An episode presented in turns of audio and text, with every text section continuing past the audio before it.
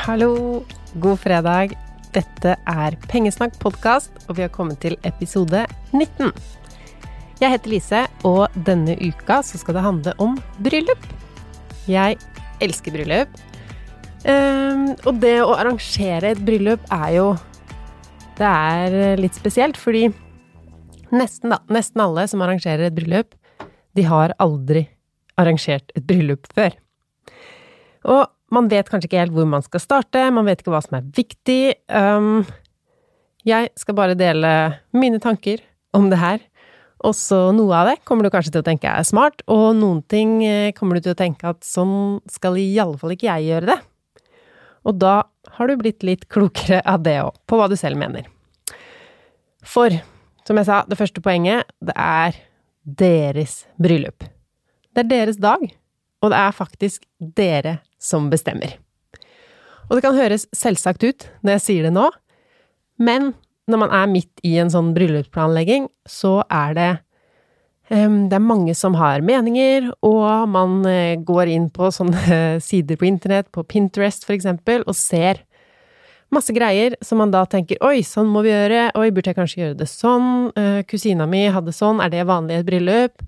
Det er mange som har eh, meninger om dette bryllupet. Så bare husk på det hele veien. Hvem er det som skal gifte seg, og hvorfor gjør dere det? Ha de tankene i bakhodet, så blir alt med bryllupsplanleggingen mye lettere, faktisk. Fordi dere gifter dere jo mest sannsynlig ikke for at uh, dere skal få et uh, pent bryllupsalbum, eller at det skal se fint ut på Instagram. Dere gifter dere ikke for at uh, alle andre skal bli fornøyde. Liksom, du gifter deg ikke for at bestemora di eller onkler og tanter skal ha det fint. Du gifter deg heller ikke for å uh, Ja, for å få spandert mest mulig øl på alle vennene dine, eller for å på en måte vise fram hvor flinke akkurat dere to er til å arrangere bryllup. For de fleste så er det ikke de tingene det handler om. Det handler om dere, så gjør det for dere. Eh, så husk på det, hvis det blir litt sånn stress i planlegginga, og dere lurer på hva dere skal gjøre. Bare tenk på hvem dere er, og hvordan dere vil ha det. For det kan være veldig gøy å planlegge bryllup, og det kan være hyggelig, en ting man gjør sammen. Eh, men det vil så klart være noen ting som er eh, litt vanskelig å avgjøre. Og et av de spørsmålene er jo da hvor mye penger skal vi bruke på denne feiringen? Husk på at det er deres fest, nå har jeg sagt det mange ganger, men det er mitt viktigste poeng. Det kan bli feil hvis dere lar andre få styre for mye. Jeg hadde for eksempel en mamma, eller jeg har den mammaen jeg har, og hun eh, tilbød seg å lage blomsteroppsatsene. Og det tenkte jeg var veldig fint, for jeg hadde jo nok av ting å tenke på. Og jeg regnet jo med at eh, jeg og det her bryllupet var i gode hender, fordi mamma pleier å gjøre det veldig fint. Så denne gangen, i, altså i mitt bryllup, så hadde hun valgt lyng. Du vet sånn mosegreier som er litt sånn lilla på toppen? Det var det. Det hadde kanskje passa veldig fint om eh, bryllupet vårt var i en uh, hytte med noe slags trolltema eller noe sånt, men uh, det var jo ikke det. Vi var på et hotell, og det var sånn hvite duker på runde bord, fire retters middag, det var vinterbryllup, så alle hadde lange kjoler, og det var litt sånn staselig. Så akkurat den lyngen passa jo ikke inn i det hele tatt. Og vet du hva? Det gjorde ingenting! Det var jo bare lyng, og kanskje litt fravær av noe vakkert på bordet, men det er ikke farlig. For her kommer mitt råd nummer to. Det er ikke så farlig. Og det høres kanskje dumt ut, eller som å banne i kirka til alle bridezillas, men øh, jo mer bridezilla du er, jo mer trenger du det rådet.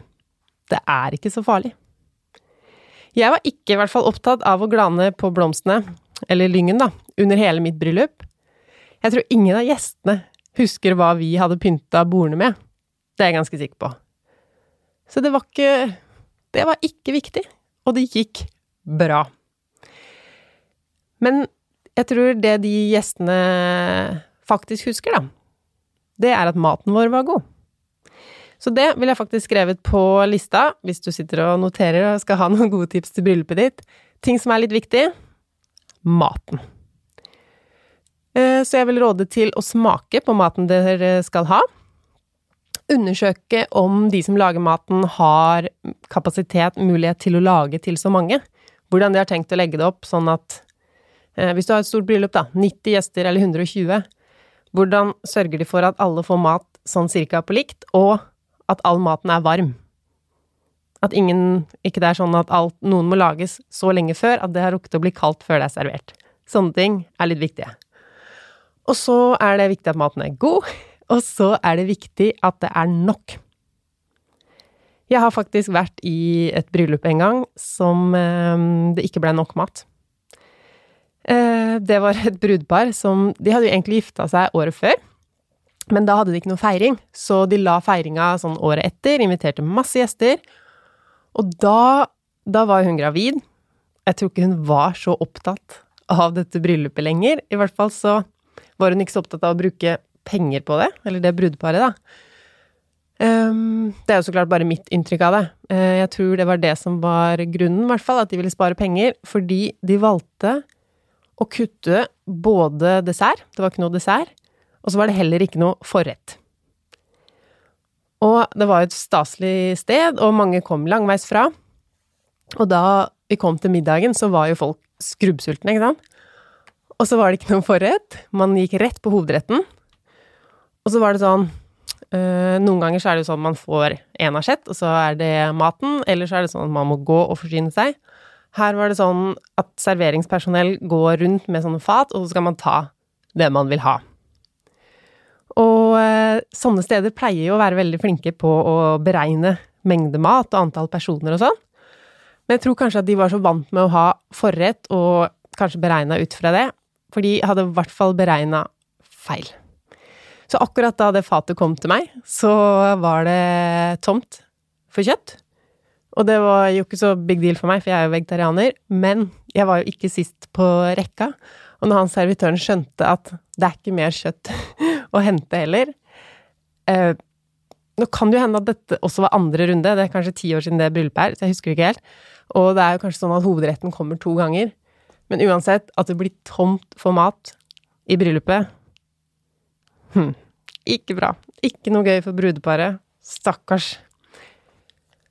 En annen ting de også hadde gjort, som jeg tenker også handler om å spare penger, var at man under middagen måtte gå ut i en bar for å kjøpe drikke. Og sånn som det er når man blir stående i en bar, der kanskje du må vente litt på tur, og så kommer det en onkel eller en du ikke har snakka med siden videregående, og så blir man stående i baren. Det er jo det man gjør i en bar, man blir litt stående. Og det er jo dumt når det egentlig foregår en bryllupsmiddag i rommet ved siden av. Så hver gang det skulle holdes en tale, for eksempel, så var jo i hvert fall ti personer ute i denne baren. Uh, hva er moralen her? Uh, jeg vil egentlig ha en moral som at uh, det blir bra uansett. Bryllup er supert, folk er glade, de kommer og Akkurat her, når det gjelder å ha nok mat, og at folk ikke må reise seg under bryllupsmiddagen for å kjøpe drikke, det, det gikk ikke bra uansett. Så jeg kanskje Jeg har nok vært i 20 bryllup, jeg elsker bryllup, og det er bare denne ene gangen jeg har tenkt at det gikk ikke så bra. Stakkars brudepar. Dette var jo ikke sånn som de hadde planlagt at det skulle bli. Og ofte så er det jo, eller alltid, tenker jeg, at det er noe som ikke går som planlagt. Akkurat det med maten var jo ikke bra, men veldig mange andre ting som man har planlagt, og så går det ikke som planlagt allikevel, så er det faktisk ikke verdens undergang. Um, for ofte så ja, Kanskje det bare blir ekstra fint. Et bryllup som jeg var i i sommer, så hadde den sangeren som skulle synge i kirken, tatt feil av dagen. Eller hadde tatt feil av måneden. Trodde at bryllupet var i juli, og så var det egentlig juni. Og de som gifta seg, de oppdaga jo ikke det her før de var i kirken. Eller i hvert fall de oppdaga det samme dag. Så sånn et kvarter før vielsen, så var det noen som fikk kjørt en gitar til kirken, som ble liksom stemt ut på kirketrappa der, og en av gjestene som var i bryllupet, spilte da en kjærlighetssang som han kunne. Og det blei jo helt unikt, kjemperomantisk, og kanskje til og med bedre enn det innslaget de egentlig hadde tenkt å ha. Og så skaper jo det bare egne minner, da, enn Ok, det var kanskje litt stress og krise da, men et morsomt minne om eh, hvordan man stressa med det, og så ordner jo alt seg. Og kanskje til og med blir bedre enn man hadde tenkt. Og veldig mange ting av det man gjør, er det jo ingen som veit at du hadde planlagt å gjøre. For eksempel eh, så hadde jeg tenkt å kjøpe inn noen sånn blomstergreier og lys og masse fint til å pynte inn på do da jeg gifta meg. Og så var det jo liksom viktigere ting å drive med, så det blei ikke noe pynting inne på do. Og det var jo i hvert fall ikke farlig. Det var ingen som visste at jeg hadde tenkt å pynte inne på do. Det var ingen som savna noe pynt inne på do, går jeg ut fra. Samme det. Eh, men la oss ta det litt fra start, da. Hvis dere bestemmer dere for å gifte dere eh, Det første som på en måte må på plass, er jo hvordan dere har lyst at dette skal feires. Og så kommer jo når og hvor, er liksom de neste punktene. Eh, man kan jo få noen gode ideer på sånne sider som Pinterest, men en fare ved å gjøre det, er jo at man blir litt revet med. Og Så jeg ville kanskje venta litt med det. Jeg ville først på en måte kjent på det og prata sammen oss som par, hvordan vi vil ha vårt bryllup. Og det første man må tenke på, er jo størrelsen på det hele. Skriv ned en uh, liste over hvem dere vil ha i deres bryllup på deres dag. Fordi om det er 40 eller 160, eller om det er bare dere to, eller kanskje med noen forlovere, fire stykker, eller om du har lyst til å ha 85 eller 100 Det har jo en del å si for eh, både hva som er mulig å få til, hvordan stemning og hva slags feiring det blir, og også hva det kommer til å koste. Så det er det første man må liksom tenke gjennom. Hva er viktigst for dere? Hva, hvorfor gifter dere det egentlig? Vil dere ha en fest, en kjempefin dag som er deres, eller har dere den festen for å, mer for å feire det ekteskapet som dere skal starte på? Um, hvis vi tar litt om selve vielsen, da. Nå veit jo jeg mest om kirkebryllup, det var det jeg hadde selv, og det er det jeg har vært i eh, flest av. I kirken så er det sånn at hvis du gifter deg i den kirken som du sogner til, i nabolaget eller der du bor, så er det gratis. Iallfall så var det sånn for fire år siden, da jeg gifta meg. I den kirken du sogner til, så er det gratis. Og så kan det hende i den kirken du har liksom vokst opp og konfirmert deg, og kanskje foreldrene dine hører til, at de også vil gjøre det gratis. Ehm, men ellers er det sånn at de tar en avgift. Og den varierer veldig. Jeg har hørt at det kan ligge på sånn 1500 kroner. I den lille kirken som vi gifta oss i, så kosta det 8000 kroner. Så for dere som tenker at jeg sparer på alt og aldri velger det dyreste, så har det faktisk hendt at jeg eh, har betalt dyrt for noe jeg kunne fått billigere. Men det var her vi hadde lyst til å gifte oss, i en liten kirke eller den er ikke så liten heller, i en kirke ved hytta vår på Holmsbu. Um, og så er det sånn pynting av kirken. Det er jo en ting. Og moren min sa at uh, det er vanlig at brudens venninner pynter kirken. I hvert fall så var det sånn da hun gifta seg med min far. Og den kirken vi valgte, den er uh, Den er ganske fargerik. Den er blå, den er grønn og rød og litt gul inni. Så jeg droppa å pynte i den kirken. Jeg hadde tenkt liksom ja, skal det være noen roseblader nedover, eller Men det ble veldig fint uten. En kirke er jo staselig uansett. Det tennes lys, alle som kommer dit er pynta, alt ser jo fint ut. Men så klart, hvis du er opptatt av pynt, så pynt i vei. Men en sånn lite Skal ikke kalle det problem, men hvis du skal pynte kirken, så må jo det skje samme dag. Og på morgenen så er jo de fleste bruder opptatt med pynte seg, ta på kjolen, gjøre helt andre ting enn å pynte i kirken. Så hvis du skal ha pynt, blomster, roseblader, alt mulig greier i kirken, så må du få noen andre til å fikse det. Noen venninner, for eksempel. Og sånn er det med mange ting. Du kan planlegge masse av bryllupet i god tid, men så er det det siste døgnet at veldig mye skal skje. Og da er det jo så mye som skal skje, at uh, i hvert fall for min del, at du ikke får gjort så mye, for du veit ikke nesten hvor du skal begynne, fordi alt skal liksom lande og være på plass og fint og flott. Så enten så må du ha mange hjelpere, eller så må du droppe noe. Og jeg valgte å droppe noe.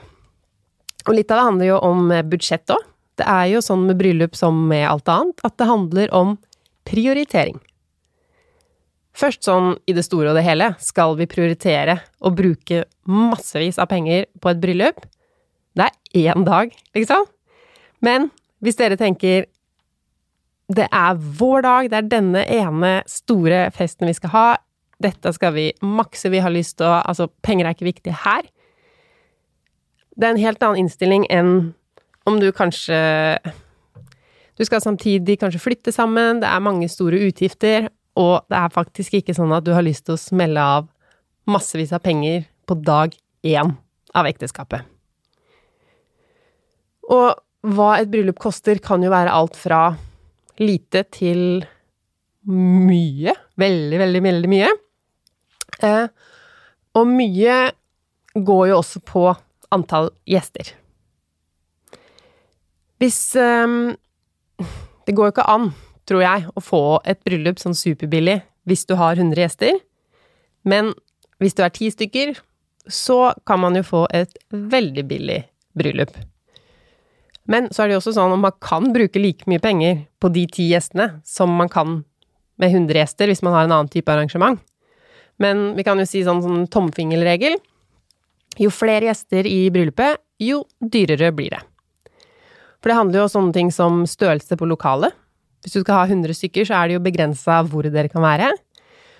Uh, og de lokalene dere kan være i, er jo da større og koster kanskje mer å leie, osv. Og så er det mengden mat, mengden drikke. Det er mye som avhenger av antall gjester. Så det med hvor mye penger dere skal bruke på bryllupet, er det fint å snakke om helt tidlig i prosessen kanskje allerede første kvelden dere setter deg ned for å planlegge bryllup, um, da vil jeg starta med liksom hva, hva er viktig for oss? Oss to. Hva er det viktigste med det bryllupet her for oss? Skal det være festen, liksom, med DJ, og er det liksom venner og den festebiten? Er det Ja, det kan være så mange ting. Men hva er viktig for akkurat dere? Hvem skal være med? Må dere også snakke om tidlig. Er det familie? Tenker du at det er en familiebegivenhet? Eh, vil du ha det så lite som mulig? Det går jo an å bare gifte seg med en forlover hver. Kanskje dere lurer på om det skal være barn med, eller om det skal være en voksenfest. Ja. Så um, Og så det siste dere må snakke om allerede først i starten av bryllupsplanleggingen. Hvor mye penger skal dere bruke? Og når de tingene er landa, hva som er viktig for dere, hvem som skal være der, og hvor mye penger dere skal bruke, så må man snakke om hvor og når. Fordi det er mye lettere å planlegge alle sånne detaljer når de større tinga er landa. Og hvis man har satt opp noen rammer, hvis man sier at eh, vi skal prøve å få til at bryllupet koster 50 000 kroner totalt, og så starter du med å kjøpe en brudekjole til 17 000 og noen ringer til 34 eh, 000. Det går jo ikke. Da må du eh, droppe hele gjestelista. Eh, for det er veldig mye man kan bruke penger på når det gjelder bryllup. Så det gjelder å liksom få satt rammene først, og så tenke på hver ting. Er det dette jeg prioriterer i bryllupet? Ja, så legger jeg litt mer der, men da må jeg samtidig legge litt mindre på noe annet. Hvis ikke du har eh, sky is the limit for forbruk for denne ene dagen, da. Eh, for eksempel klær. Dere må jo ha på dere noe, og for de fleste damer så betyr jo det en eh, brudekjole. Vil du ha alt så billig som mulig, så kan du velge en kjole du allerede har. Noen har jo bunad, for eksempel, og det kan man gifte seg i. Men for de aller, aller fleste så betyr jo bryllup en hvit kjole, så fin som mulig. Og prisene kan jo ligge oppe i hundretusener. Så her, som sagt, det handler om prioritering. Det er ikke noe som er riktig eller noe som er galt, men det handler om hva som er viktig for deg. Når du har tenkt på bryllupet ditt, kanskje helt fra du var liten, har du liksom sett for deg kjolen? Er det kjolen som er eh, Jeg veit at kjolen er utrolig viktig for veldig mange bruder. Så er det det for deg, så er det kanskje bedre å legge mer, mer i den kjolen enn om holdningen din er at den skal jeg bruke én gang. Det er bare en kjole. Så er det ingen grunn til å makse på en måte kjolebudsjettet, da. Jeg kjøpte brudekjolen min brukt. Jeg har jobba som brudekjolemodell i mange år. Jeg har hatt på meg så mange stygge kjoler, og noen fine. Og jeg tenkte liksom at kjolen Jeg ville kjøpe en brukt kjole. Det var ikke så nøye for meg. Jeg har på en måte hatt den prinsessefølelsen veldig mange ganger i brudekjoler, og ja, så jeg tenkte jeg kjøper en brukt. Og jeg tror det handla bare om at det var billig. Jeg var ikke like opptatt allerede for fem år siden, fire, fem, uh, rundt alt det negative med tekstilindustrien og alt det positive med å bruke klær flest mulig ganger. Uh, hovedhensikten min med å kjøpe brukt var nok at det skulle være billig, men det var ikke billig. I hvert fall ikke det jeg tenker på som billig når det gjelder en kjole man skal bruke en kveld. Eh, men den kjolen var, er, innmari fin. Eh, jeg dro hjem til en eh, brud som hadde hatt den hengende tror, i tre år etter hun gifta seg, fordi hun klarte ikke å kvitte seg med den, selv om hun så klart ikke skulle bruke den igjen. Så heldigvis så la hun den ut for salg, og jeg kom og prøvde den samme dag. Den uh, satt helt perfekt, måtte ikke sys inn eller ut noen ting. Um, ja. Og så hadde den bare ligget ute en dag, det var flere som hadde avtalt å prøve den, så jeg betalte alle de tusenlappene hun ville ha for den, og så ferdig med det. Jeg kan jo fortelle litt mer om uh, vårt bryllup. Tenkte at jeg skulle gjøre det her litt strukturert igjen, men uh, ja. Vi gifta oss i november. Og hvis du vil ha ett sparetips når det kommer til bryllup november. det er sikkert samme greia med februar og mars òg, men det er en fordel med å gifte seg utenfor sesong. Ja, for det er noe som heter sesong når det kommer til bryllup. Og nå snakker jeg som om jeg vet alt om bryllup, jeg gjør ikke det. Men jeg har vært på veldig mange brudemesser, i og med at jeg har vært brudekjolemodell. Og så har jeg jo vært i mange brylluper selv. Planlagt et bryllup selv. Og grunnen til at det kan være så lurt å gifte seg utenfor sesong, er fordi La oss ta lokalet først, da. Hvis du skal ha et lokale som det pleier å arrangeres bryllup i, da er det dyrt i sesong. De kan eh, nesten ta hvilken pris de vil noen ganger, hvis det er et veldig populært bryllupslokale. Og du får ikke diskutert prisen når det er et sted som folk booker årevis i forveien til sitt bryllup. Står man da utenfor sesong, og de kanskje ikke har booket inn eh, noe, da kan man diskutere på prisen.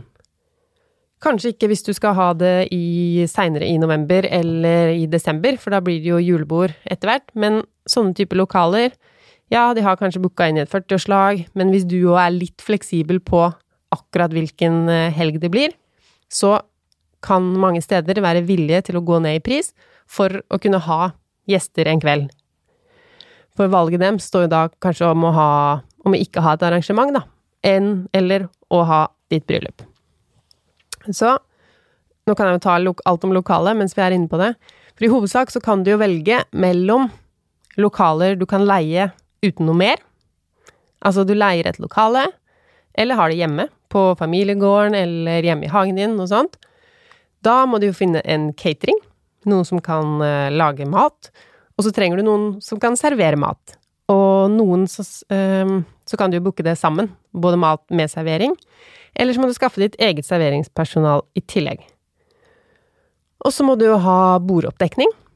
Kanskje hvis du har det sånn i, eh, hjemme i hagen eller på en gård, så kan det være i et telt. Da må du jo også ordne bord, stoler Om du skal ha det inne eller på et sånt øh, velhus eller noe sånt, så må du jo ha tallerkener. Alle typer glass. Det går mye forskjellig glass i et øh, bryllup. Og Vi vil jo ikke ha plastglass. Det er litt stas i et bryllup å ha ordentlig glass. Eh, det er jo bestikk, servietter, kakegafler, you name it. Det er ganske mye som må ordnes hvis man leier et lokale og så fikser eh, resten sjøl. Men den store fordelen med det, da, sånn prismessig, er at du kan kjøpe din egen alkohol og ha på festen din, og under maten. Så det negative er vel at det er mye å styre med, mye mer å tenke på. Og hvis du blir veldig opptatt av å spare sånn på slutten av planleggingen, så blir det din egen oppgave å rydde og vaske ut av det her lokalet dagen etter. Og det hadde i hvert fall ikke jeg lyst til å gjøre min eh, første dag som kone. Eh, det andre alternativet er jo da å velge lokaler som er mer sånn alt inkludert, som eh, hotell. Vi gifta oss på et hotell, og da valgte vi jo på en måte Da valgte vi jo det som lokale, og da valgte vi dem sin mat, dem sitt personell, det var de som rydda, og det var også de som solgte drikken. Så alternativet vil kanskje være litt dyrere, men jeg har tenkt på flere ganger at når, når man eh, leie, Hvis man tar den hotelløsningen, så betaler man jo ikke noe for leie av lokalet. Man betaler jo per kuvert. Og hvis man leier et lokale, så betaler man jo én avgift for det, pluss at man betaler for cateringen. Så det er ikke sikkert det blir så mye dyrere. Men det kommer jo kanskje mest an på alkoholforbruket, for det er jo ganske mye dyrere å kjøpe alt fra et hotell eller den type sted. Um, vi valgte jo å gifte oss på et hotell mest fordi det var akkurat der vi ville ha det. Det var der vi hadde vært eh, på flere ferier, og det er der vi har hytte nå. Vi hadde ikke hytte der eh, da vi gifta oss, men eh, vi har det nå. Og det var der vi ville ha det. Og så En annen faktor er jo at vi bestemte oss for å gifte oss i august.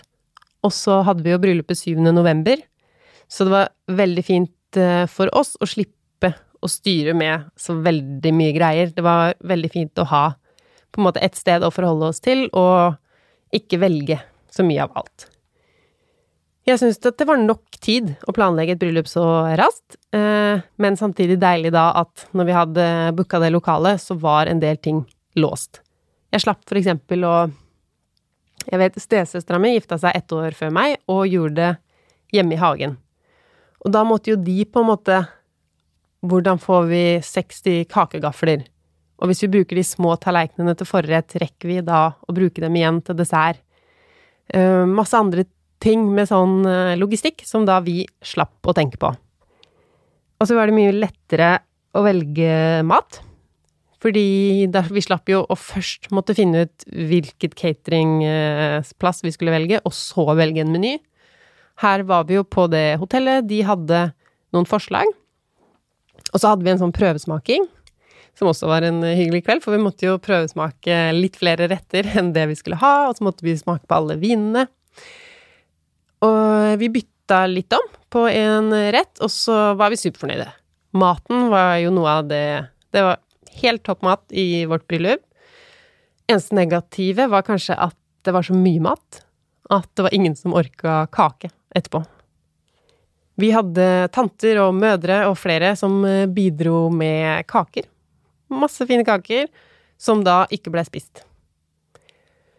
Eh, men det er jo også et sparetips, da, eh, at folk vil veldig gjerne hjelpe til. Men så spør de deg jo gjerne ganske tidlig. Kanskje med en gang de blir invitert. 'Å, så hyggelig, kan vi hjelpe til med noe?' Og så sier man jo gjerne 'nei da, det går fint'. Og så sitter du der kanskje et halvår etterpå og lurer på hvem er det jeg kan be om å blåse opp 100 ballonger, jeg skulle gjerne hatt litt hjelp her. For hvis du er litt klar, da, og har tenkt igjennom hva kan jeg trenge hjelp til, gjerne da det siste døgnet før eh, du blir gift, for da kan du spørre med en gang. Ja, faktisk, jeg skal henge opp noen små buketter i kirken, kan du hjelpe til med det? Eller det hadde vært hyggelig hvis noen i familien leste opp noe i kirken. Kan du tenke deg det? Eller ja, men kake, da. Ikke sant? Du har den gode kaka som du alltid lager på bursdagen din. Hadde vært hyggelig å ha den i bryllupet mitt òg. For du kan spørre om hjelp til veldig mye. Folk syns det er hyggelig.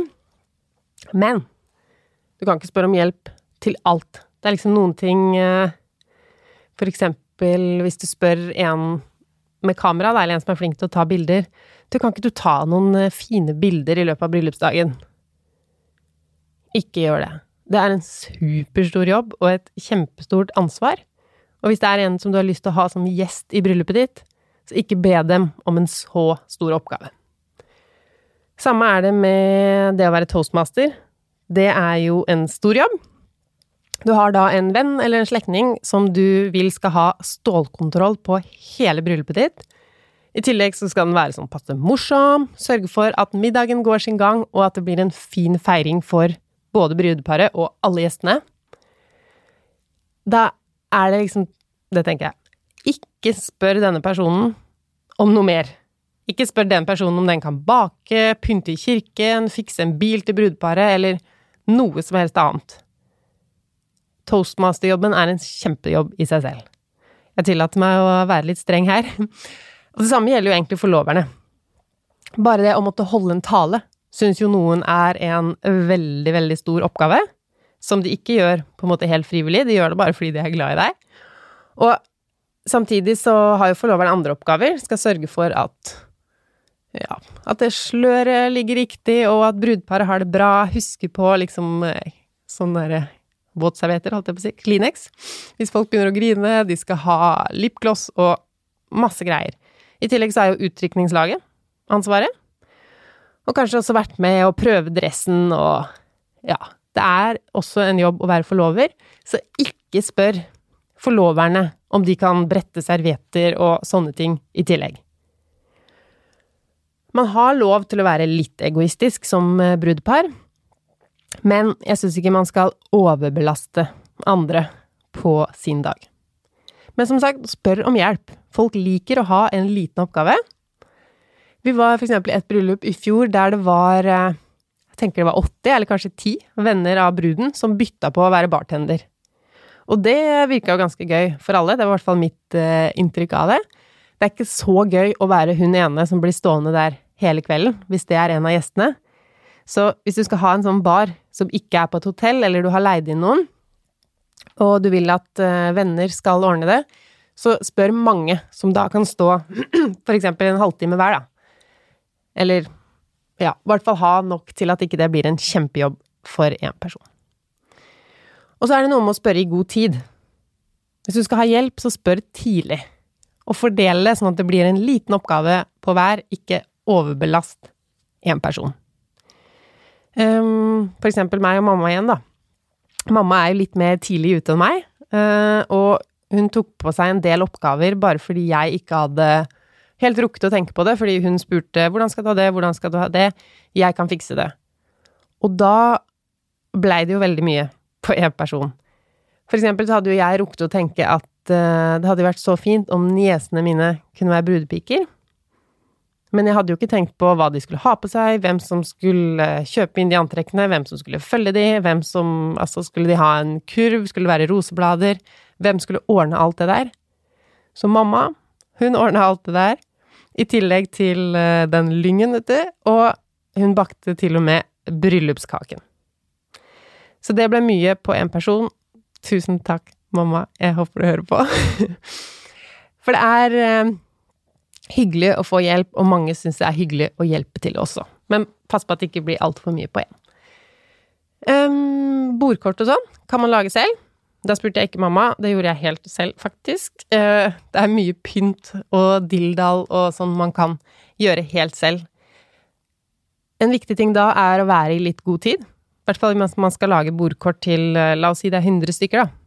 Så ikke sitt med det uka før bryllupet. Da har du mange ting som haster mye mer.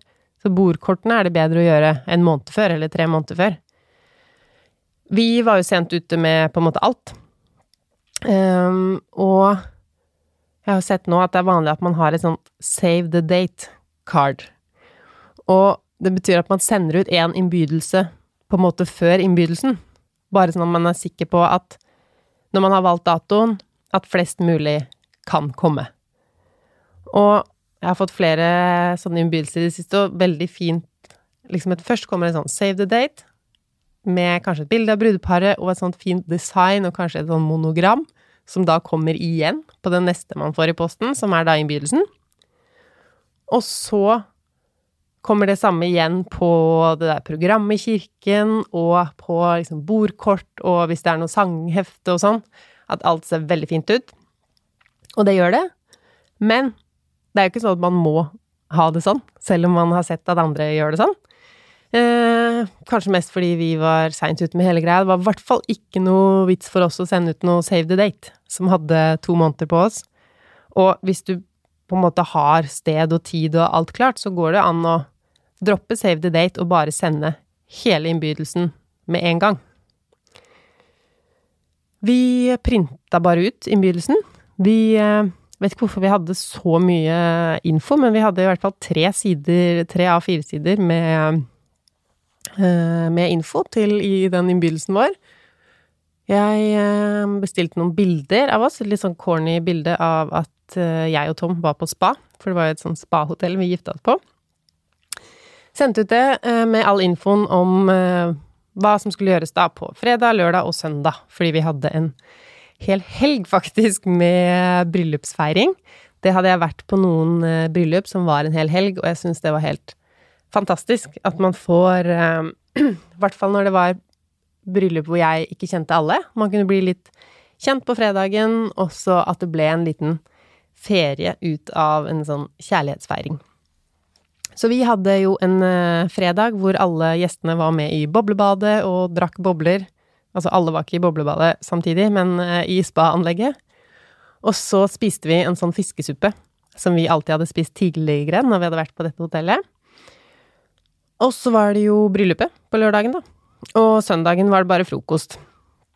Men det var så fint å ha Altså på selve bryllupet, at det var ingen som måtte rekke siste bussen hjem, eller måtte ordne noe med en barnevakt eller et eller annet. Alle var jo der, og kunne bare legge seg der vi var. Og slapp å bruke så mye av bryllupet vårt på å si ha det, ha det, ha det, etter hvert som alle skulle gå. Vi så jo alle igjen neste morgen, så jeg syns det var veldig fint å ha det over en helg. Så det er jo ikke noe sparetips, da, å ha med fredagen også i bryllupet, fordi da er det jo mat og drikke og enda mer eh, drikke. Vi kjipa litt inn på drikkinga på fredag. Da spanderte vi det som ble servert eh, litt sånn fordrink i spa-anlegget, og vi serverte fiskesuppe og crème brulé, men at de måtte kjøpe drikken sin selv på fredag. Vi ville på en måte ikke at fredagen skulle bli en stor fest, og så var folk litt slitne på lørdagen, som jo var selve bryllupet. Så vi tenkte at vi klarte å begrense det litt ved å ikke ha fri bar på fredag. Så hadde vi heller det på lørdag. En annen bra ting med å ha bryllupet i november, er jo at folk har ikke noen andre planer. Så det merka vi, og det var jo topp, at selv om vi inviterte på litt kortere varsel, hadde ikke noe save the date, så kunne folk komme. Som dere kanskje har forstått, så var jo ikke da mitt bryllup noe spareprosjekt.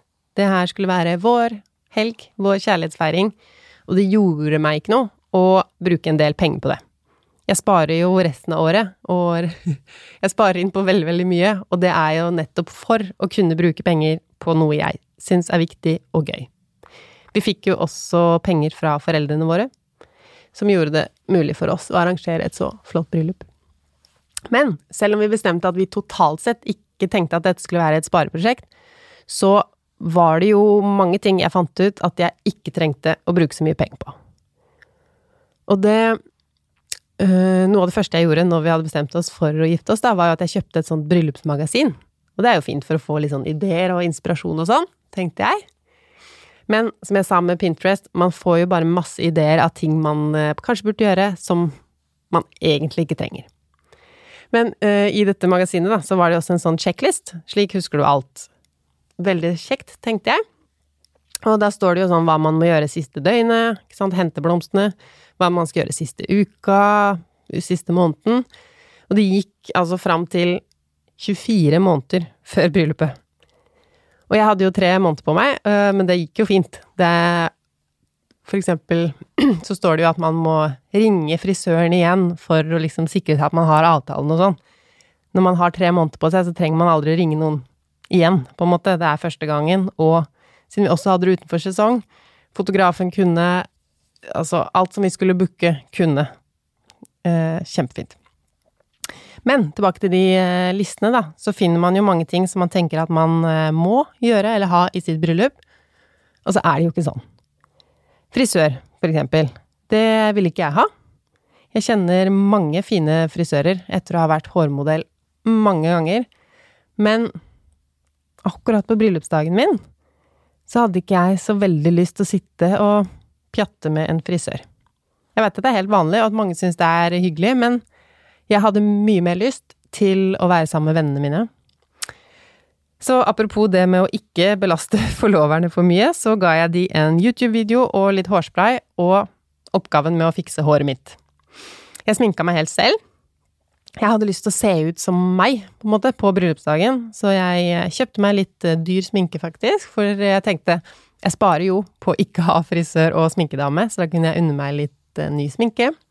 Og så hadde jeg rommet mitt fullt av venninner på formiddagen. Så det blei noen veldig fine timer før uh, bryllupet mitt, så den prioriteringen angrer jeg ikke på. Eh, foto. Vi betalte masse for foto. Helt bortkasta. Jeg har ingen fine bilder av meg og Tom på bryllupsdagen. Eh, eller jeg har noen fine bilder, men de er tatt med iPhone. De er ikke tatt av fotografen. Jeg er fortsatt litt bitter på han fotografen, så jeg skal ikke snakke så veldig mye om det. Jeg hører derimot at en sånn heldagsfotografering er noe folk er veldig fornøyd med å ha punget ut for på bryllupsdagen. Så jeg burde nok ha gjort enda mer research for å finne ut litt mer om han fotografen. Jeg fikk jo se at han hadde tatt noen fine bryllupsbilder, så da tenkte jeg at dette blir sikkert fint. Og dagen etter bryllupet så var jeg jo dritfornøyd, fordi fotografen hadde ikke tatt sånn mye plass. Det var ikke sånn at han sto i midtgangen, sånn at jeg ikke fikk gått opp i kirken fordi han sto og skulle ta bilder av det. Han sto liksom ikke i veien da vi skulle danse, eller når vi sto på kirketrappa. For da ville jeg liksom Jeg ville jo se familie og venner, og ikke bare kameralinser. Men da jeg så bildene, så forsto jeg jo at jeg hadde ikke trengt å være så fornøyd, fordi det blir ikke noen bra bilder fra en fotograf som gjemmer seg. Så det gjelder å ha dialog med fotografen. Jeg var kanskje mest opptatt av at bryllupet mitt ikke skulle være en fotoshoot, men av og til så må en fotograf få ta litt plass for at det skal bli tatt et bra bilde. Så den neste feilen jeg gjorde Eller ikke feila. Det i hvert fall endte opp med å ikke bli så feil, men jeg kjøpte meg en kjole til. Jeg fikk med meg at det skulle være brudekjolesalg på en butikk som jeg har jobba litt med eh, på brudemesser og sånn, hvor jeg veit jeg har veldig mye fint. Og så dro jeg dit, og da kjøpte meg en brudekjole, selv om jeg jo hadde en kjole hjemme. Og grunnen til at jeg gjorde det, var kanskje litt også fordi jeg hadde vært for mye på Pinterest og på sånne amerikanske sider. Kjole nummer to. Det er liksom et konsept at man bytter kjole i løpet av kvelden. Jeg fikk ikke bruk for min, for å si det sånn, eh, men jeg angrer allikevel ikke på at jeg brukte en tusenlapp på den eh, kjolen. Fordi den første kjolen min var jo en kjempestor og fantastisk brudekjole. Og jeg tenkte, den går det sikkert ikke an å danse med, den har jo ni lag med liksom sånn tyll og tøy under hverandre. Men fordi det var en ordentlig og fin kjole, så var den jo så klart laget for å danse i, den var fin å bevege seg i. Jeg hadde ikke ønske om å ta meg den fine kjolen noen gang i løpet av bryllupet mitt. Men samtidig var det fint å vite, skulle jeg søle på meg, skulle det bli liksom stort og vanskelig, så hadde jeg noe å skifte til. Og så på morgenen, eh, når jeg drev med venninnene mine, og vi sminket hverandre og hadde det sånn koselig, så skulle jeg jo ta på kjolen etter hvert. Og da kom jeg på at jeg ikke ser Tom før kirkedørene går opp, og jeg står i den ene enden, og han står i den andre enden, og blei helt sånn engstelig. Jeg angra på at jeg ikke hadde fått sagt ordentlig ha det. På morgenen var det jo litt sånn du går ut, vennene kommer inn, alt er fint og gøy. Og så glemte jeg å si liksom ha det. Neste gang vi ser hverandre, så er det i kirken. Og så ble jeg litt sint inni meg på um, denne fotografen igjen. Fordi jeg hadde foreslått at vi skulle ta portrettet, altså bildene av meg og Tom, før kirken. Og da sa fotografen nei, sånn, sånn, gjør man ikke, dere skal jo ikke se hverandre før kirken og sånn. Det hadde han aldri vært borti før, men jeg angrer jeg tror jeg faktisk angrer den dag i dag på at jeg ikke sto på mitt. Jeg hadde følt meg mye bedre om jeg hadde fått være sammen med Tom alene. Eh, at han skulle se meg alene i den eh, brudekjolen, og at bare vi to eh, skulle møtes. For da hadde jeg ikke blitt så satt ut av det her Tenk på at når vi ser hverandre nå neste gang, så er det foran 100 gjester, og ja, jeg skulle bare ha stått på mitt, rett og slett. Jeg skulle møtt Tom da bak kirken, eller på stranda, eller et eller annet sted. Jeg skjønner jo at det er imot alle tradisjoner, men vi bodde jo allerede sammen, vi sov sammen den natta. Det var jo ikke som om vi ikke hadde brutt noen andre giftermålstradisjoner. Jeg angrer på at vi ikke hadde dette hemmelige møtet. Vi gifta oss ikke før klokka tre. To eller klokka tre, tror jeg faktisk det var, på ettermiddagen. Så vi hadde jo hatt all verdens tid til å ta fine bilder og ja, bare se hverandre før hvilelsen. Fordi hvis vi tenker på bildene igjen, da. Etter hvilelsen, når den var klokka tre, ferdig kanskje klokka fire. Dette var i november. Sola gikk ned. Så det er også litt av grunnen til at vi ikke har noen fine bilder. Det ble mørkt, og fotografen syntes det var en god idé å ta alle bryllupsportrettene på sånn 40 meter avstand. Nok om de bildene igjen. Men da jeg sto på det hotellrommet, da, og tenkte at jeg har bare lyst til å være sammen med Tom jeg har ikke lyst til å være i den ene enden av en kirke, og han er i den andre enden, og jeg blei så stressa. Og jeg fikk ikke på meg kjolen. Den var altfor trang. Og, og så var det en sånn glidelås bak på kjolen, og veldig mange sånne små knapper, sånne hemper. Eh, sikkert 60 sånne. Jeg var sikker på at jeg ikke kom til å få puste, og endte faktisk med å gå hele bryllupet uten å kneppe noen av de 60 knappene. fordi hvis jeg tenkte jeg tenkte liksom hvis jeg Hvis jeg besvimer, så er det bare å dra ned en glidelås, og så får jeg puste. Hvis jeg hadde hatt 60 knapper først, så hadde jeg jo Ja. Igjen, veldig fint å være utenfor sesong. Det kosta meg bare 1000 kroner å ha den tryggheten om at jeg har den andre kjolen. Da kunne jeg liksom bare Vi prøver nå. Får jeg puste eller ikke? Ha på kjolen i fem minutter, og så ser vi. Jeg har den andre. Det er ikke noe stress. Som jeg sa i tips nummer én eller to eller noe sånt. Det ordner seg. Og det hadde jeg ikke klart å tenke hvis jeg ikke hadde hatt den kjole nummer to hengende. Da hadde jeg tenkt det her ordner seg ikke, brudekjolen passer ikke, det blir ikke noe bryllup. Men det gikk bra. Eh, med en gang jeg fikk den på, så roa jeg meg jo ned på vei til kirken, og så føltes ikke kjolen trang ut lenger allikevel. Og jeg tenkte ikke på det under hele bryllupet at den kjolen var trang, den var bare helt perfekt. Um, så det var, var moralen nå, da. Moral nummer én var kanskje at uh, det kan lønne seg å ha en backup-kjole, men ikke bruk massevis av penger på det, da. En tusenlapp syns jeg det var verdt, i hvert fall. Moral nummer to dere bestemmer. Jeg hørte på en dum fotograf som sa at jeg og Tom ikke skulle se hverandre før kirken. Men det er jo jeg som må leve med å ikke få dagen min sånn som jeg ville. Jeg ville ha den halvtimen med Tom. Kanskje hadde vi også tatt bildene først og fått noen fine bryllupsportretter. Eh, og da hadde vi også sluppet det der eh, sånn som er vanlig, da. Etter kirken så går gjestene til lokalet, og så skal brudeparet fotograferes. Og da står jo bare gjestene der og henger, ikke sant, og så må man ankomme en gang til. Og eh, det er jo mye sånn at man ankommer i sitt eget bryllup. Man kommer til kirka, wow, folk reiser seg og så kommer man ut av kirka, wow, gratulerer. Og så, hvis man ikke er så komfortabel med å være midtpunkt, stå på en scene, at alle står rundt deg og skal ta bilder Det er jo en litt rar følelse, fordi det er jo de samme folka som du vanligvis er sammen med, ikke sant. Det er familien din, det er vennene dine. Så plutselig så står du der og er liksom the one. Altså, dere to er dere to. Men så kommer det jo en gang til. Når du da ankommer festen igjen, så kommer det jo enda en sånn Nå kommer det brudeparet. Og det hadde vi jo da slippet hvis vi hadde tatt bildene først. Så kunne vi jo bare vært sammen og mingla, vi også. Ikke at gjestene sto der aleine og venta på at vi skulle ta bilder. Som jo da for vår del ikke blei så lang seanse. Jeg hadde jo bare lyst til å gå inn til eh, venner og familie, og det var jo ikke noe vits i å ta bilder der ute i mørket. Uansett. Så bestem selv. Det er jo så klart vanlig å ikke møtes før kirken, og jeg skjønner at det At det er ikke så mange som gjør det sånn. Og det med at sola går ned, det skjer jo ikke på sommeren. Men jeg angrer på at jeg ikke bestemte selv her, så det er det jeg oppfordrer dere til, da. å bestemme selv.